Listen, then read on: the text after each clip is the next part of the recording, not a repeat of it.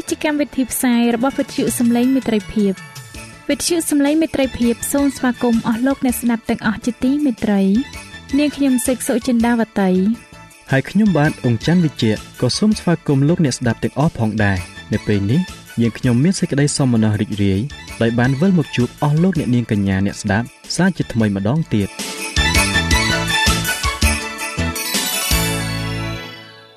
ចា៎លោកអ្នកស្ដាប់ជាទីមេត្រី នាងខ្ញុំសូមគោរពអញ្ជើញអស់លោកលោកស្រីអ្នកនាងកញ្ញាតាមដានស្ដាប់កម្មវិធីផ្សាយរបស់វិទ្យុយើងខ្ញុំដូចតទៅ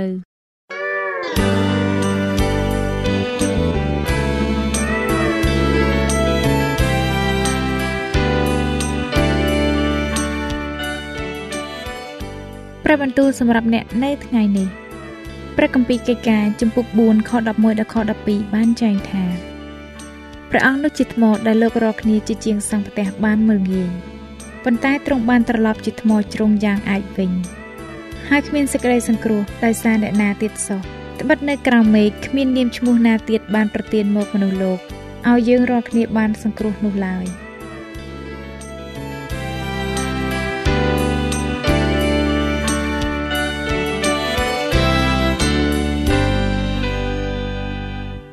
បាទខ្ញុំបាទសូមគោរពនឹងជម្រាបសួរអស់លោកអ្នកដែលនិយមតាមដានស្ដាប់នីតិសភាស្គូលប្រចាំសប្ដាហ៍ទាំងអស់គ្នាជាទីមេត្រី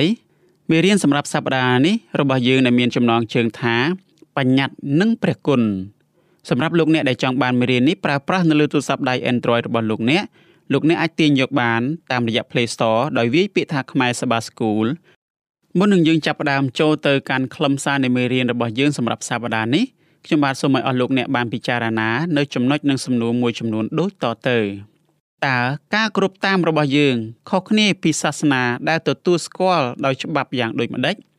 ដូច្នេះតើហេតុអ្វីបានជាការគ្រប់តាមបញ្ញត្តិមិនដូចគ្នាទៅនឹងការដែលយើងព្យាយាមសង្គ្រោះខ្លួនឯងដោយទង្វើល្អរបស់យើងនោះតើលោកអ្នកធ្លាប់បានឮទីបន្ទាល់អ្វីខ្លះអំពីមនុស្សដែលបំពានលើក្រឹតវិន័យទាំង10ប្រការ រួចត្រូវរងទុក្ខដោយសារតែការបំពានរបស់ពួកគេ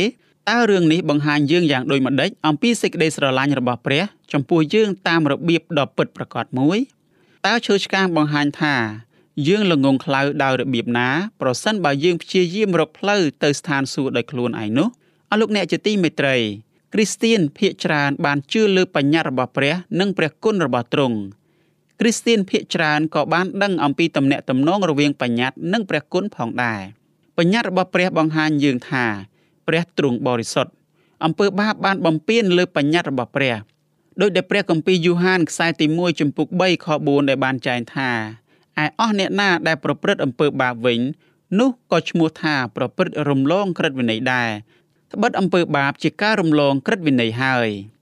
ព្រះគម្ពីរកាឡាទីជំពូក3ខ22ក៏បានចែងដែរថាយើងទាំងអស់គ្នាបានបំពេញលើបញ្ញត្តិ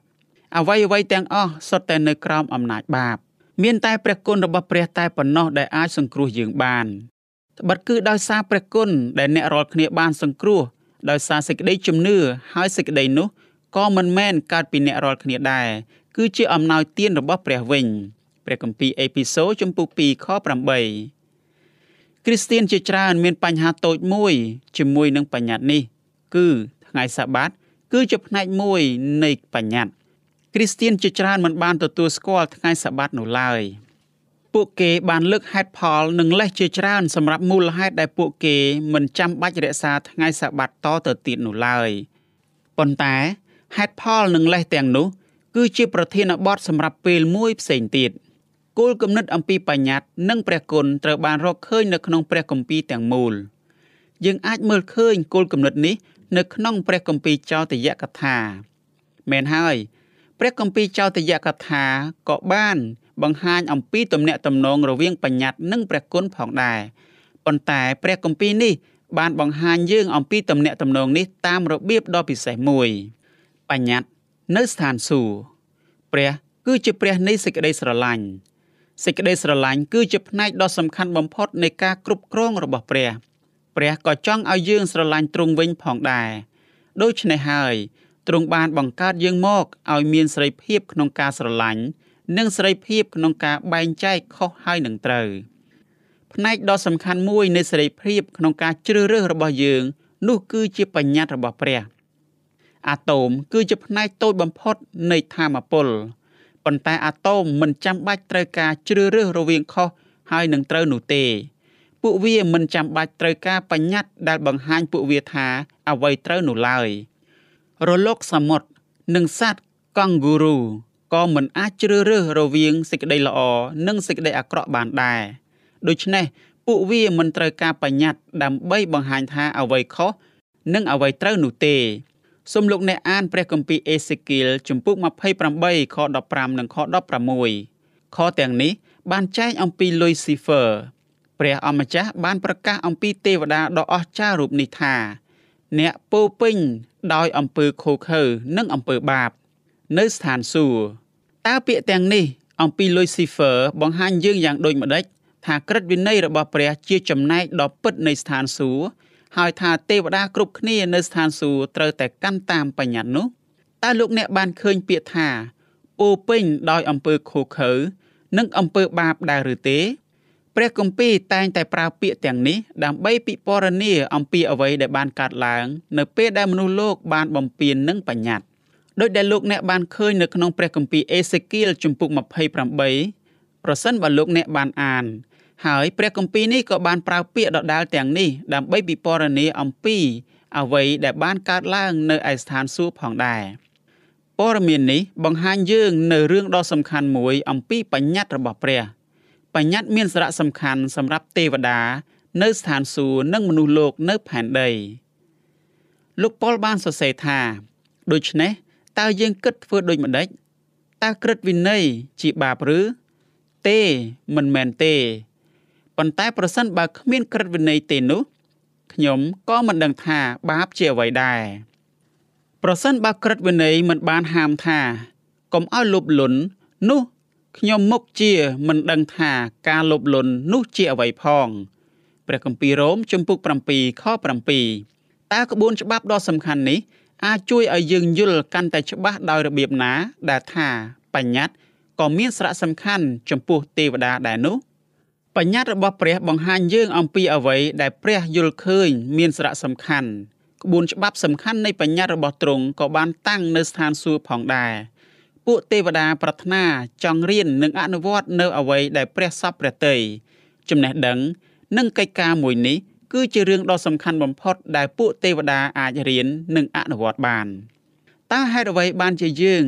មិនត្រូវញែកគោលគំនិតនៃបញ្ញត្តិរបស់ព្រះចេញពីគោលគំនិតដែលទ្រង់បានបង្កើតយើងឲ្យមានសេរីភាពក្នុងការជ្រើសរើសរវាងខុសនិងត្រូវនោះតើយើងអាចបែងចែករវាងខុសនិងត្រូវយ៉ាងដូចម្តេចទៅបើគ្មានបញ្ញត្តិនេះជនជាតិហេប្រឺបានមកដល់ព្រំប្រទល់នៃសាសកាណាន ដែលជាទឹកដីសន្យាព្រះហៀបនឹងប្រគល់ទឹកដីដែលទ្រង់បានសន្យាឲ្យដល់រាជរបស់ទ្រង់ដែលទ្រង់បានជ្រើសតាំងនេះមក ដោយដែលយើងបានឃើញរួចមកហើយថា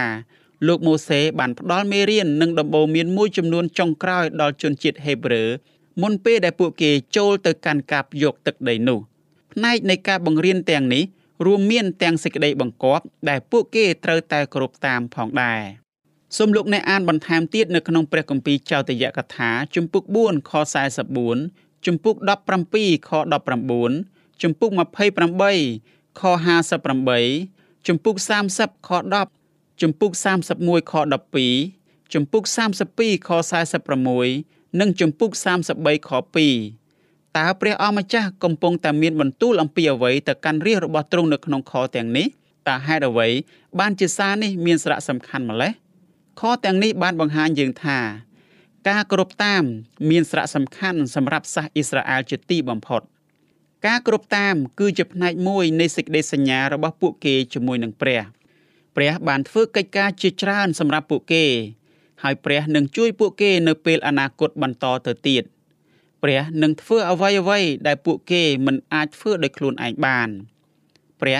នឹងប្រទានឲ្យពួកគេនៅអ្វីដែលពួកគេមិនបានធ្វើអ្វីអ្វីឲ្យបានរបស់នោះទាល់តែសោះគោលគំនិតនេះបង្ហាញយើងអំពីអត្តន័យនៃព្រះគុណដែលថា ព្រះប្រទានការលើកលែងទោសដល់យើងដែលយើងមិនបានធ្វើអ្វីឲ្យបានសេចក្តីនោះទាល់តែសោះតើព្រះចង់បានអ្វីពីរាជជ្រើសតាំងរបស់ទ្រង់ឲ្យឆ្លើយតបទៅនឹងអំណោយទានដ៏មានតម្លៃមួយនេះព្រះចង់ឲ្យរាជរបស់ទ្រង់គោរពតាមទ្រង់នោះឯងសប្តាហ៍ថ្ងៃនេះក៏ដូច្នោះដែរព្រះបានសង្គ្រោះយើងតាមរយៈព្រះគុណរបស់ទ្រង់នៅពេលណាដែលយើងជឿលើទ្រង់ យើងមិនមែនបានសង្គ្រោះដោយសារតែទង្វើរបស់យើងនោះទេត្បិតយើងខ្ញុំអាងថា មនុស្សបានរាប់ជាសុចរិតដោយសារសេចក្តីជំនឿគឺមិនមែនដោយការប្រព្រឹត្តតាមក្រឹតវិន័យទេ ព្រះគម្ពីររ៉ូមជំពូក3ខ28ម្លោះហើយយើងមិនមែនគ្រប់តាមបញ្ញត្តិដើម្បីឲ្យបានសង្គ្រោះនោះទេ ពីព្រោះគ្មានមនុស្សណាបានរាប់ជាសុចរិតនៅចំពោះទ្រង់ ដោយអាងការប្រព្រឹត្តតាមក្រឹតវិន័យនោះឡើយត្បិតក្រឹតវិន័យគ្រាន់តែសម្ដែងឲ្យស្គាល់អំពើបាបប៉ុណ្ណោះរ៉ូមជំពូក3ខ20យើងគោរពតាមបញ្ញត្តិគឺដោយសារតែព្រះបានសង្គ្រោះយើងតាមរយៈព្រះគុណរបស់ទ្រង់វិញទេតើដូច្នេះព្រះយេស៊ូវបានសូមឲ្យយើងស្រឡាញ់ទ្រង់វិញហើយគោរពតាមបញ្ញត្តិរបស់ទ្រង់ផងដោយទ្រង់មានបន្ទូលថាបើអ្នករាល់គ្នាស្រឡាញ់ខ្ញុំចូលកាន់តាមបញ្ញត្តិខ្ញុំចុះ ព្រះគម្ពីរយូហានជំពូក14ខ15កាន់គម្ពីរចោទយកថាបង្រៀនយើងគ្រប់យ៉ាងអំពីព្រះគុណនិងបញ្ញត្តិរបស់ព្រះតាំងតែពីទំព័រទី1រហូតដល់ទំព័រចុងក្រោយព្រះបានសង្គ្រោះយើងតាមរយៈព្រះគុណរបស់ទ្រង់ផ្ទាល់ទ្រង់បានធ្វើកិច្ចការដែលយើងមិនអាចធ្វើដោយខ្លួនឯងបានឡើយទន្ទឹមនឹងនេះសាសអ៊ីស្រាអែលមិនអាចភៀសខ្លួនចេញពីស្រុកអេស៊ីបដោយគ្មានជំនួយពីព្រះបាននោះទេដូច្នេះ យើងត្រូវតែគោរពតាមព្រះ និងបញ្ញត្តិរបស់ទ្រង់ទុកជាការឆ្លើយតបទៅនឹងអំណោយទានមួយនេះយើងអាចរស់នៅក្នុងជីវិតនៃការស្ដាប់បង្គាប់តាមរយៈសេចក្តីជំនឿត្បិតព្រះបានអត់ឱនទោសឲ្យយើងដោយសារតែព្រះគុណរបស់ទ្រង់ព្រះគុណរបស់ទ្រង់ក៏អាចជួយឲ្យយើងគ្រប់តាមបញ្ញត្តិរបស់ទ្រង់ផងដែរ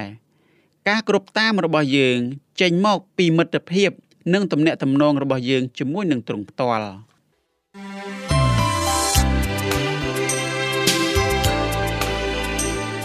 សេចក្តីជំនឿកើតឡើងដោយលឺហើយដែលលឺនោះគឺដោយសារព្រះបន្ទូលនៃព្រះ តាមរយៈវិទ្យុសំឡេងមិត្តភាព AWR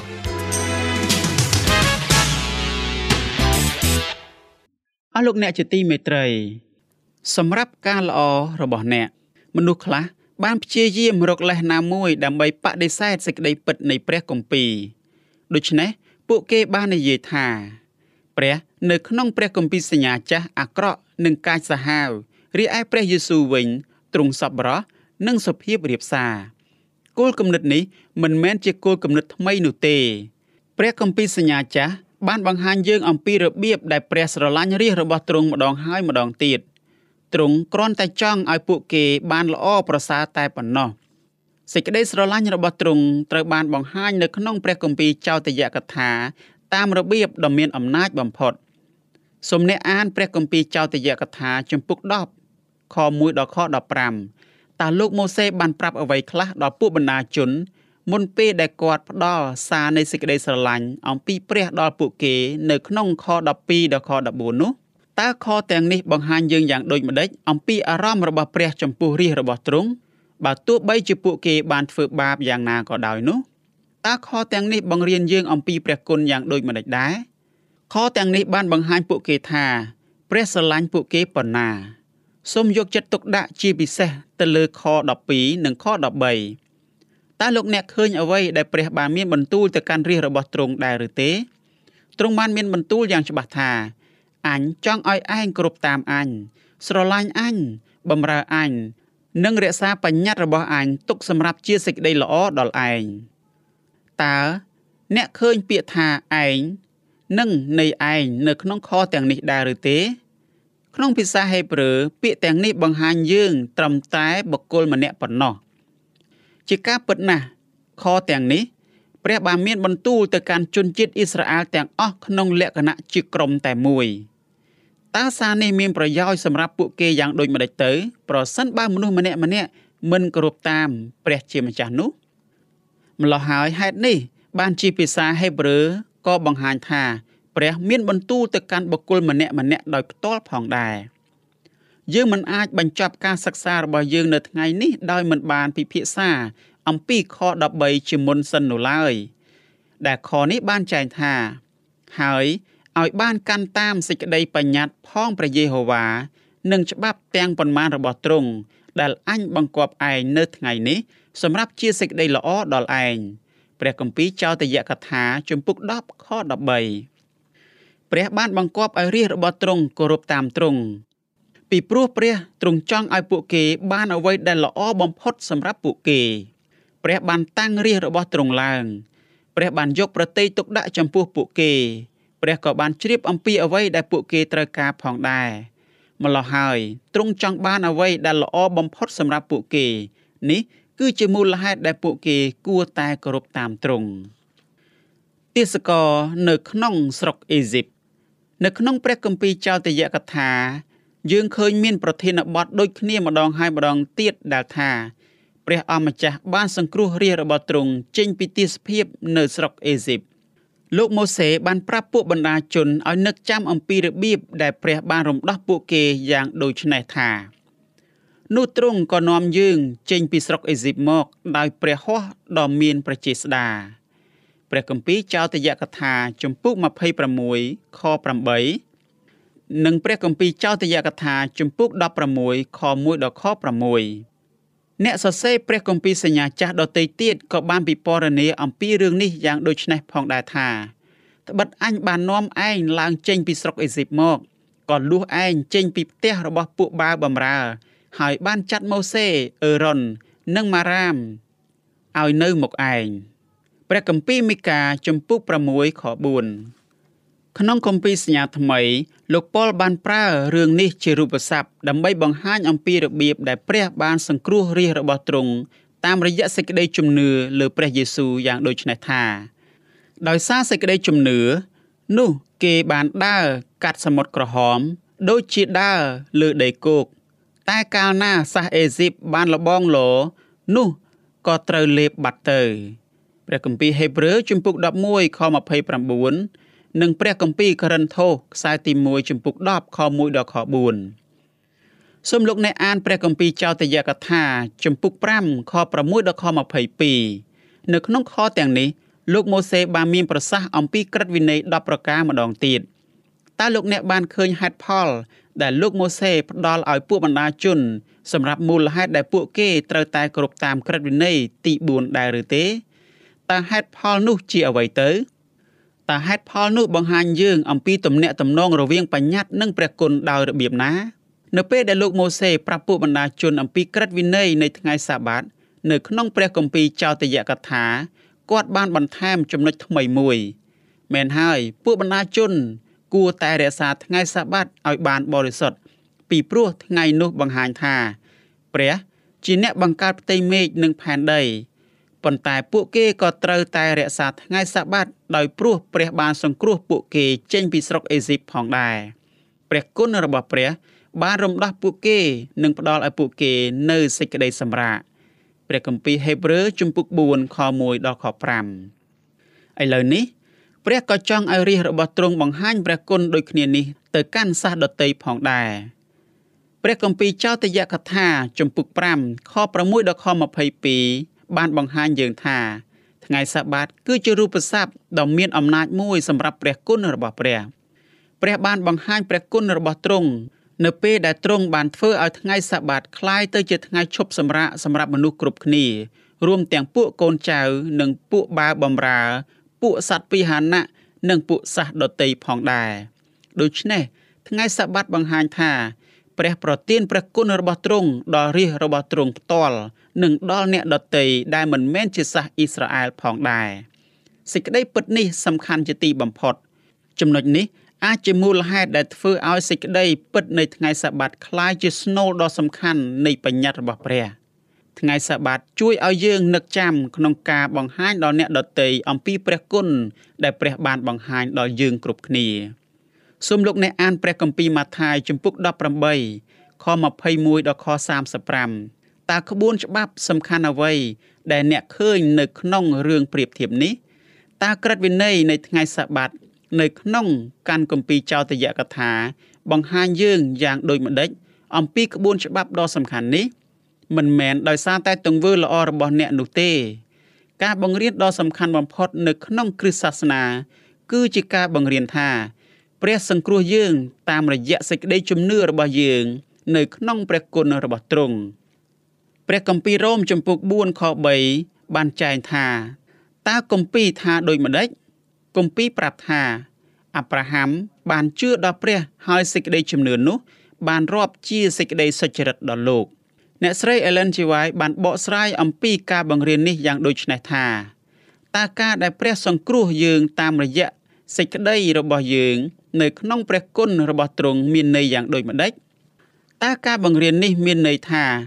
ព្រះធ្វើកិច្ចការសម្រាប់មនុស្សលោក ទាំងដែលពួកគេមិនអាចធ្វើដោយខ្លួនឯងបាន នោះគឺជាមូលហេតុដែលព្រះត្រូវទទួលស្រីល្អទាំងអស់នៅក្នុងការសង្គ្រោះមនុស្សលោក មនុស្សលោកមិនអាចទទួលការសរសើរទៅលើកិច្ចការមួយនេះបានឡើយ នៅពេលដែលពួកគេឃើញថា ពួកគេមិនមានអ្វីទាំងអស់នោះពួកគេបានត្រៀមខ្លួនជាស្រេចក្នុងការទទួលយកជីវិតដ៏បរិសុទ្ធរបស់ព្រះយេស៊ូវនៅពេលដែលយើងនឹកចាំថាព្រះទ្រង់បរិសុទ្ធហើយយើងជាបាបជន នោះយើងអាចមើលឃើញនៅមូលហេតុដែលមានតែសកម្មភាពដ៏អស្ចារ្យនៃព្រះគុណតែប៉ុណ្ណោះដែលអាចសង្គ្រោះយើងបាន ហើយសកម្មភាពនៃព្រះគុណនេះពិតជាអាចសង្គ្រោះយើងបានមែនព្រះគុណបានកើតឡើងនៅត្រង់ឈើឆ្កាង គឺនៅពេលដែលព្រះយេស៊ូវដែលគ្មានទោសសោះបានសគត់ជំនួសអំពើបាបរបស់អ្នកមានទោសទាំងអស់ព្រះគម្ពីរចោទយកថាចំពុក9ខ5បានបង្ហាញយើងអំពីដំណឹងល្អលោកប៉ុលបានបង្រៀនយើង អំពីសេចក្តីពិតដដែលនេះយ៉ាងដូចនេះថា ព្រះមិនបានសង្គ្រោះឯង ដោយព្រោះសេចក្តីសុចរិតរបស់ឯងឬដោយព្រោះចិត្តឯងទៀងត្រង់នោះឡើយព្រះគម្ពីរចោទយកថាចំពុក9ខ5ព្រះអម្ចាស់សង្គ្រោះអ្នកដោយសារតែសេចក្តីសន្យាដែលទ្រង់បានតាំងឡើងជាមួយនឹងលោកអ្នកនៅក្នុងដំណឹងល្អដ៏នៅអកលជានិច្ចព្រះគម្ពីរវិវរណៈចំពុក14ខ6ព្រះមិនបានតាំងសេចក្តីសន្យានេះជាមួយនឹងយើងដោយការដែលយើងធ្វើទេ គឺដោយតម្រេះ និងព្រះគុណនៃទ្រង់វិញ ដែលបានផ្ដល់មកយើងក្នុងព្រះគ្រីស្ទយេស៊ូវមុនអស់ទាំងកលព្រះគម្ពីរធីម៉ូថេខ្សែទី2ចំពុក1ខ9និងព្រះគម្ពីរទីតោសជំពូក1ខ2តើលោកអ្នកឃើញថា ព្រះប្រទានសេចក្តីសន្យានេះដល់លោកអ្នកមុនអស់ទាំងកលដែរឬទេយើងមិនទាន់ទាំងមានជីវិតរស់នៅនៅឡើយទេនៅពេលនោះម្ល៉េះហើយទង្វើល្អរបស់យើងមិនអាចជាហេតុផល ដែលនាំឲ្យទ្រង់សង្គ្រោះយើងនោះទេនិយាយរួមព្រះអម្ចាស់នឹងធ្វើកិច្ចការដ៏អស្ចារ្យសម្រាប់លោកអ្នកនៅក្នុងចិត្តរបស់លោកអ្នកទោះបីជាលោកអ្នកធ្វើខុសច្រើនមកហើយក៏ដោយដូច្នេះលោកអ្នកត្រូវតែគោរពបញ្ញត្តិរបស់ទ្រង់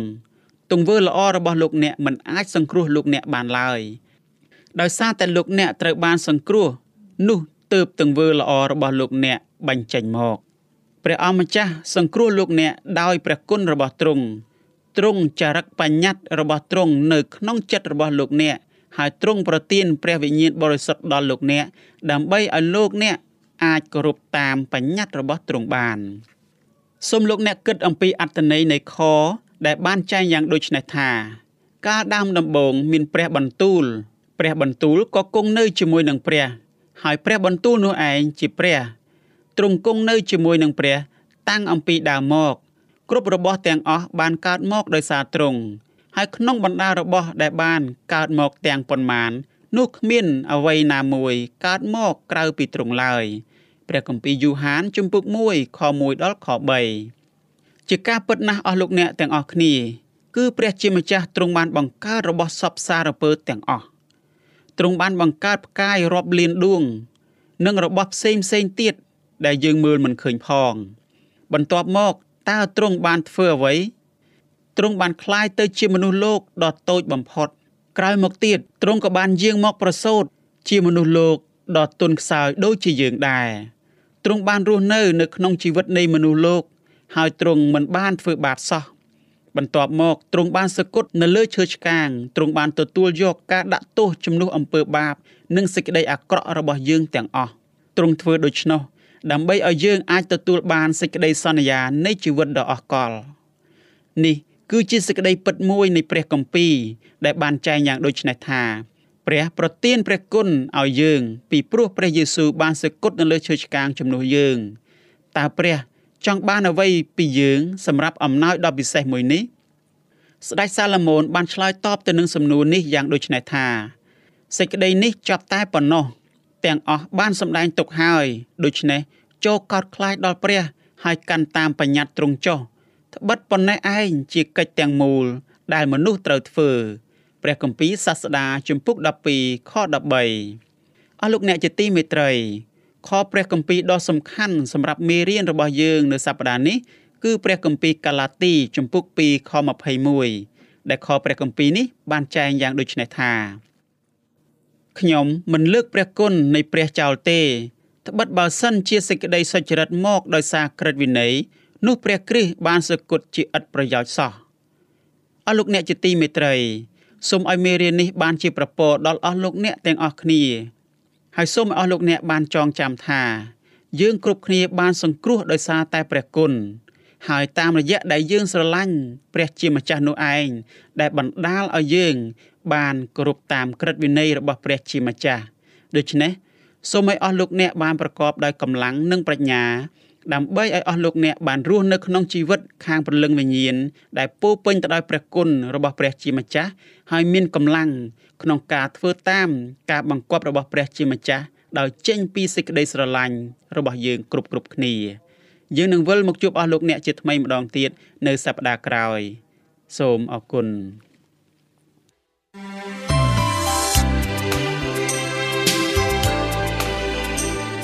វិទ្យុសំឡេងមេត្រីភាព AWR មានផ្សាយពីរដងក្នុងមួយថ្ងៃ គឺព្រឹកនៅម៉ោង6និងពេលយប់នៅម៉ោង8